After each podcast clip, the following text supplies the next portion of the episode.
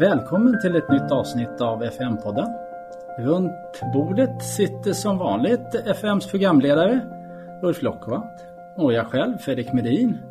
Men med oss idag så har vi även Anne Rundqvist som både är chefsjurist i Region Stockholm och eh, också vår projektledare för upphandlingen i FM-programmet. Det stämmer, roligt att få vara här. Välkommen!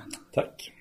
Eh, I februari fattades regionstyrelsen och eller Region Stockholm och Region Gotland ska jag väl säga beslutet att påbörja upphandlingen av vårdstöd och vårdkontinuitetsstödet. Och I den här podden så tänkte vi därför prata lite om vad vi ska upphandla, vilken typ av upphandling som görs och vad som händer framöver. Men jag tänkte innan vi går in på det så tänkte jag faktiskt fråga dig Ulf. Kan inte du kort berätta vad, vad menar vi egentligen med vårdstöd och vårdkontinuitetsstöd? Jo, det är just det här i det här programmet att vi blir lite en egen bubbla och så hittar vi på våra egna ord för vi tycker att de som finns inte riktigt passar det vi ska upphandla, det vi ska genomföra. Och ibland så har vi svåra tekniska ord och de förstår folk att de är svåra. Men så hittar vi på egna svenska ord, så att säga, som vårdstöd. Och de är nästan kan vara ännu mer förvirrande för vårdstöd. Vad är det? Är det en sköterska? Är det en doktor? Är det liksom en krycka? I det här fallet så försöker man, för vi ska, vårdstödet är ett försök att beskriva att de moderna journalsystemen är mer än de gamla. De gamla journalsystemen var ett sätt att bara, för som jag brukar säga, pärm på skärm. Man bara la in eh, som ett arkiv. Ja. Men de moderna journalsystemen har en större, också ett ord som man använder den här världen, större funktionalitet. De har större, mer grejer man kan göra med dem. Därför har det funnits de här programmen som inte vill prata om journalsystem för att man ska tänka på det gamla, man ska tänka på det nya. Jag tycker nog ändå att man ska kunna säga att det är ett journalsystem plus extra allt. Och lite som en mobiltelefon är ju ganska mycket mer än en telefon, men vi kallar det fortfarande telefon. Så jag tycker man ska ha, egentligen kunna ha förtroende för våra medarbetare och kalla det för ett modernt journalsystem. Ja. Vi har fastnat lite vid vårdstöd, vi får se var vi hamnar vårdkontinuitetsstödet. Där är tanken om man har olika journalsystem, hur ska de prata med varandra? Och det ska ju vara bryggan däremellan. En teknisk lösning som sen också ska, man ska göra till en, en användbar lösning som man då kallar för vårdkontinuitetsstödet. Man skulle kalla för integrationsplattform i den här världen. Eller vad vet jag, alltså det är en bryggan mellan olika journalsystem. Ja. För det är en teknisk lösning.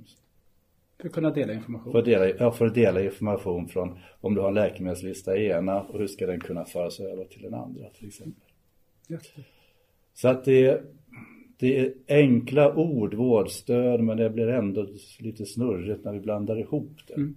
Så ska man säga vårdstöd, journalsystem plus extra allt, vårdkontinuitetsstöd, en brygga mellan olika journalsystem för att dela information. Super. Eh, i eh, december så avbröt vi faktiskt den, den förra upphandlingen. Och Ulf och jag, vi har talade lite om det i en tidigare podd. Eh, men nu när vi har dig här Ann så tänkte jag, kan inte du berätta lite? Vad är det, varför tvingades vi egentligen avbryta? Eh, det enkla svaret är att vi eh, uppnådde inte tillräcklig konkurrens med, egentligen med de anbud som vi hade kvar när vi hade kontrollerat att de hade uppnått, att de hade eh, uppfyllt alla formella krav. Man kan säga så här att eh, i, i LOU ställer ju väldigt höga krav på att vi följer eh, lagstiftningen och vi gör exakt likadant med alla leverantörer som har lämnat anbud. Mm. Eh, och i den här kontrollen som vi gjorde då av alla anbud så upptäckte vi att det fanns formella fel. Och finns det formella fel i anbuden, då får vi inte gå vidare. För då måste vi säga att de här uppfyller inte våra krav och lägger dem åt sidan. Och formella fel, kan du, kan du ge något exempel? Vad är ett formellt fel? Alltså det, det kan vara, formella fel kan vara väldigt mycket. Eh, men exempel på dem det är att man kanske har lämnat in bilagor på språk som vi har sagt att vi inte kommer acceptera. De kan vara hur läsliga som helst för någon medarbetare som kan något språk som det där är upprättat på. Men har vi inte sagt att vi accepterar det språket, då går det bort. Det kan vara så att man har, helt enkelt har glömt att skriva under någon bilaga där vi har krävt ett undertecknande. Det är formella fel. Mm. Sen finns det andra formella fel också som man kan göra väldigt många. Men det här är några av de kanske lite enklare formella felen som man ofta ser att man inte klarar av. Tyvärr. Och det var det som hände oss? Det var det som hände och eh, då måste vi avbryta. Eh, skulle, skulle vi gå vidare och någon eh, sen klagar på ett beslut så skulle vi, då får vi göra om hela vår upphandling. Så mm. vi får inte göra det helt enkelt. Så därför avbryter vi och så gör man om. Har man gjort fel, har det blivit fel så gör man om och gör rätt igen. Det låter bra. Oberoende vem som har gjort felet. Nu var det liksom i anbuden som det låg tveksamheter. Ja. Får jag bryta in så, jag tänker nu när Ann sitter, sitter här så när jag kom in i det här som kirurg då tänkte jag vad ska man behöva en sån som Ann till? Det kan väl inte vara så svårt att göra en upphandling. Men när man har hamnat i det här och lär sig så inser man att det är något extremt komplext att få till det här. Och det finns så många saker man måste tänka på. Bara som inte jag hade en susning om till exempel, hur ska man ha licensmodell? Ska man betala för eh, hur stor eh, regionen är? Ska man betala för? Okej, okay, vi bestämmer att vi ska betala för antalet användare. Men hur eh, definierar man det? Ska det vara folk som loggar in? Ska det vara helårsanställda? Ska studenter som loggar in ha rabatt? Allt det där måste komma in i ett avtal. Och, eh, och, det som, och sen hur ska man, vilken nivå ska man lägga eh, de här kraven på? Har man övergripande krav då täcker man ganska mycket. Å andra sidan så har man inte specificerat detaljer så då kan det komma till tvist efteråt. Specificerar man detaljerna och då kanske man glömmer detaljer. Då kommer man också, så det är extremt mycket arbete. Mm. Man kan ha sina åsikter om LOU. Jag tror att man behöver något, något slags ramverk för att annars så skulle det inte funka. Det kanske inte är rätt i alla sina eh, processer. Men att det är ett jättearbete och att man behöver an i det här arbetet och den kompetensen, det är jag helt övertygad om nu. Och har stor respekt för svårigheten med ett sånt här, eh, sånt här projekt, att mm. driva en sån här upphandling. Mm. Och sen kommer allting, allt som, de vi, vi jobbar med, det är leverantörer som vill tjäna pengar. Så vi måste ju hela tiden, de, inte alla, de vill ju inte alltid det bästa för det de säljer. Så där måste vi också se till att det ligger rätt avtalsmässigt och sånt. Och sen är det det som gäller. Så ja, tack Ann. Mycket glad att du är här. Ja. Ehm, förra gången så använde vi oss av ett upphandlingsförfarande som kallades konkurrenspräglad dialog. Men, men den här gången så pratar vi om ett öppet förfarande. Vad är skillnaden? Um Eh, Eh, man kan säga att eh, konkurrenspräglad dialog är ett tvåstegsförfarande.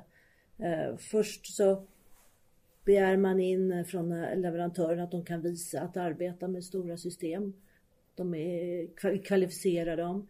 Sen får vi en dialog med dem för att få in synpunkter på vad de kan erbjuda.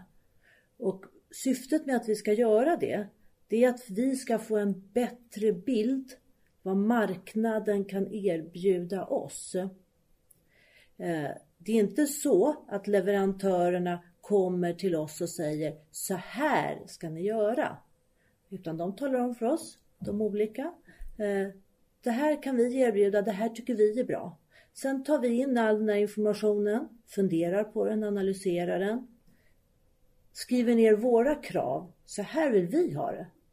Det här är viktigt för oss och sen går det ut till leverantörerna igen.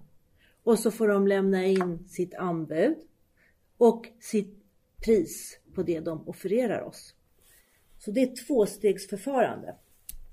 Det här tvåstegsförfarandet det, brukar man, det använder man i komplexa upphandlingar. Mm. Där man inte riktigt på förhand vet hur ser produkten ut. Ska jag köpa en blyertspenna eller något enklare sådär? Då använder vi vanligtvis ett öppet förfarande. För där kan vi, vet vi vad vi vill ha. Vi vet vad kraven är.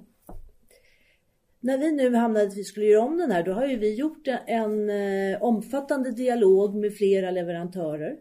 Vi har fått in en massa information och vi har fått in massa information från våra egna verksamheter.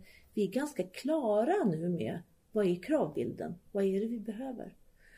Då finns det ingen anledning att gå ut och föra en dialog med leverantören en gång till. Alltså använder vi oss av ett enklare förfarande som det öppna förfarandet är. Där annonserar vi och de kommer in med anbudet där de visar att de kan leva upp till de kraven på leverantören som krävs och hur de offererar oss på den lösning vi vill ha. Så det betyder egentligen att även om vi avbröt i december så, så var inte allt det där arbetet gjort i onödan? Absolut inte. Skulle vi börjat om från början eh, och göra en konkurrenspräglad dialog, då hade vi ju fått göra egentligen samma sak igen och fått samma svar igen. Så det, på det stora hela kan man ju säga, det är ungefär samma anbud, men vi har ändå justerat i det på lite olika sätt och gjort om det. Så det är inte exakt samma, men det är i stort sett samma. Och sen ska man veta allt det material som vi använder för, med kraven och så för anbudet, det kommer ju användas på andra sätt sen när vi ska anpassa och införa eh, systemen också. Så att det är ju återanvänds. Det är, kravskrivning så är dels för att få avtal för rätt leverantör men det är också en del av processen för att införa det. Så det är absolut inte ett onödigt arbete. Som en del i kraven då, hur vi vill designa systemet? Ja, eller? till exempel. Mm. Eller i kraven finns det också hur ska, hur ska utbildning gå till? Hur många utbildare ska det vara? Hur ska vi införa vilken ordning och sånt också? Så att det, allt det där hänger ihop. Mm. tycker jag är viktigt därför att vi ja. pratar ju ofta om att vi ska köpa ett vårdstöd, vårdkontinuitetsstöd. Ja, det är men, viktigt. Ja. Men sen så kommer ju alltid arbetet därefter till. Det ska ju anpassas till våran värld och det ska tekniskt implementeras och vi, vi ska införa det i olika eh, hos vårdgivarna. Det är ju också jätteviktigt arbete. Mm. Ja, och vad som är jätteviktigt är att i kraven på leverantörerna är ju inte bara på, som jag brukar säga, själva prylen, utan det är hur ska vi samverka? Mm. Vilken nivå, vem ska ta när det är någonting som går fel? Ska vi rätta till det eller ska företaget rätta till det? Eh, uppgraderingar så att eh, det är mycket, mycket mer än bara köpa själva grejen. Det är allting runt omkring också som ingår i, i upphandlingen och avtalet. Eh, och nu har vi påbörjat upphandlingen, så vad händer nu framåt då? Ja, men nu, nu sitter vi och, och väntar på, just nu sitter vi och väntar på frågor från leverantörerna. Eh, LOU medger att de får ställa frågor. Vi måste svara. Det här gör de i vårt annonsverktyg. Svaren går ut till alla leverantörerna oberoende om, vem, om det är en som ställer frågan eller flera. Så då blir det kan man säga en komplettering av eh, eh, vårt förfrågningsunderlag som vi har skickat ut. Eh, när den eh, tiden är över, då, sitter vi, då väntar vi på att de ska komma in med sina anbud. Bra anbud, bra priser som vi ska kunna utvärdera. Och det, anbuden ska komma in 10 maj. Vi har en lång anbudstid för att möjliggöra att leverantörer som tidigare inte har varit med också ska få ordentligt med tid att sätta sig in i hela den omfattande dokumentation som det handlar om. Så det... Har vi över tusen krav så måste de ju skriva svar på över tusen krav så det tar ju tid. Då finns det att göra. Ja. ja. Um, vi har, eh, hur påverkas det här då? Vi, en fråga som ofta har kommit upp det är det här kring sekretess. Hur påverkas sekretessen av den nya upphandlingen? Fredrik, får jag fråga en annan sak? Ja, den... Ann, varför är sekretessen så viktig? Varför har vi sekretess? Varför kan vi inte säga att företag B har liksom lagt ett bud och så i en vanlig tävling, det är väl inte sekretess vilka lag som är med i Champions League? Det vet väl alla vem som spelar med där? Varför är det, varför är det så viktigt med sekretess? Så det är egentligen för att de här principerna som finns i LOU, att inte någon ska skaffa sig en fördel på något sätt framför någon annan. Eh, därför att konkurrensen på marknaden ska upprätthållas. För LOU syftar ju till att alla leverantörer ska få samma villkor för att vi ska få en så bra konkurrens som möjligt och ingen ska skaffa sig fördelar. Så det är det som är en del av sekretessen. Och då är det ju att vi ska upprätthålla det på marknaden. Om de, leverantörerna, vill gå ut och prata om vad de gör eller inte gör, det bryr vi oss inte om. Och vad händer för vi slarvar då ifall vi råkar bryta sekretessen? Är det så allvarligt? Ja, om vi bryter sekretessen på ett sätt som gör att eh, någon leverantör säger att nu har jag blivit förfördelad. Nu har ju den här mm. Fått eh, en fördel genom att den fick reda på det här och kunnat förbereda sitt anbud på ett annat sätt. Ja, men då blir det inte bra. Konsekvensen av det blir, om det blir riktigt illa, det är att man får avbryta upphandlingen och göra om den. Ja, och, nu, och det, där vill vi inte hamna, vi inte hamna, hamna igen. Nej. Vad gäller då? Nu när vi har ett öppet förfarande, ja. är det någon skillnad? Ja, det är en skillnad. För nu har vi gått ut, vi har offentliggjort hela underlaget, hela förfrågningsunderlagen, alla kraven, avtalet som det ser ut, ligger ute i det annonsverktyg som man använder på marknaden. Där kan leverantörerna gå in och så begär de ut underlaget och sen så läser de och så lämnar de in anbudet i samma annonsverktyg. Så, och eh, det betyder då att det är öppet för alla, alla kan titta på det, ingen sekretess. Eh, är det något som fortfarande är känsligt för oss att prata om då? Ingenting som står i det där underlaget är känsligt att tala om. Mm. Men det är fortfarande så att vi inte ska, kan berätta vilka företag och sånt som har lämnat in anbud när de har gjort det. det är fort... Eh, vi, vi håller den absoluta sekretessen som man pratar om när man inte får säga någonting. Den eh, ligger fast till dess att tilldelningsbeslutet är fattat. Först då så kan vi prata om vilka leverantörer det är och hur deras anbud ser ut. Då går man in i en annan sekretessfas. Och tilldelningsbeslutet är när våra politiker bestämmer att nu ska ni upphandla den som är vinnaren. Den här är vinnaren. Ja. Det är det här avtalet vi ja. vill ha. Och det är ett politiskt beslut då? Ja, i den här upphandlingen så ja. är det ett politiskt beslut som regionstyrelsen kommer att fatta någon gång efter sommaren. Vad spännande. Ja. Har vi no Jättespännande. Ja. ja. Nu börjar det dra ihop sig känns det nästan ja. ja. Eh, vi försöker hålla de här mötena lite korta. Mm. Så att eh, har vi någonting ytterligare vi vill lägga till innan vi rundar av? Nej, alltså jag, det är jättespännande. Det är verkligen spännande för oss att se vilka leverantörer, om de kan leva upp till våra kravställning och ifall det ligger inom budget och allt sånt. Och det blir mycket mer konkret och, men riktigt konkret blir det ju inte förrän vi får det här tilldelningsbeslutet så vi har en leverantör. Vi ehm, har ett resultat. Vi har ett resultat, ja. ja. ja. ja. Då tackar vi så mycket för den här gången och eh, på återhörande. Tack, Tack för att jag fick vara med. Tack Fredrik.